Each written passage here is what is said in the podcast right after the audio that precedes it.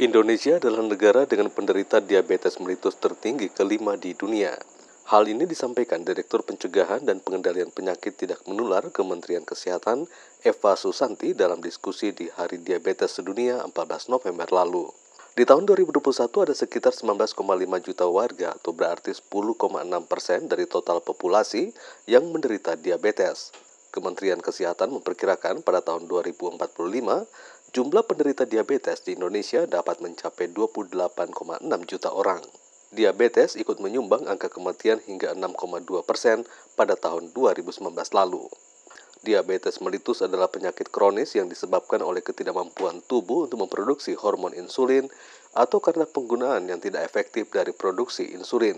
Hal ini ditandai dengan tingginya kadar gula dalam darah.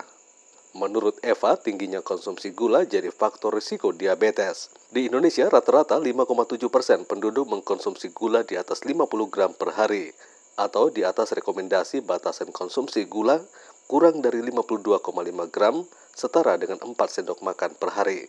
Produk konsumsi tertinggi itu ada pada teh kemasan sekitar 13,26 persen, kemudian juga di susu kental manis ada 5,2 persen, dan jus buah serbuk ada 4,82 persen.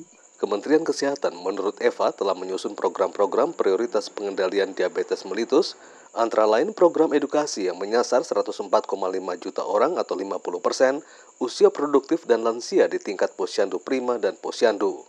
Di fasilitas kesehatan tingkat pertama atau FKPT dilakukan program deteksi dini dan tata laksana dengan sasaran 94 juta orang atau 50% persen usia produktif dan lansia.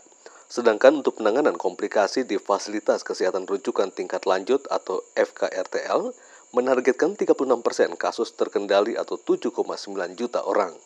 Sony Wibisono dari Persatuan Diabetes Indonesia atau Persadia menyarankan setiap orang untuk rutin berolahraga guna mencegah obesitas. Obesitas adalah salah satu faktor risiko terjadinya diabetes. Masyarakat juga perlu membiasakan diri untuk memeriksa kadar glukosa yang tertera pada kemasan produk makanan. Edukasi untuk masyarakat dalam hal kalau setiap membeli makanan kemasan harus tahu kandungan kalorinya, terutama glukosanya kata Sony Wibisono. Tak hanya pada orang dewasa, diabetes kini juga banyak diderita anak-anak. Profesor Aman B. Pulungan dari Ikatan Dokter Anak Indonesia atau IDAI mengatakan sangat penting untuk menemukan dan mendiagnosis penderita diabetes melitus tipe 1 pada anak yang bergantung pada pemenuhan insulin seumur hidupnya. Ini dikarenakan diagnosis diabetes pada anak sering kali terlambat. Pasien sering datang ketika sudah dalam kondisi berat seperti tidak sadarkan diri sehingga meningkatkan angka mortalitas. Dari Kabupaten Poso, Sulawesi Tengah, Yohanes Dita melaporkan untuk VOA Washington.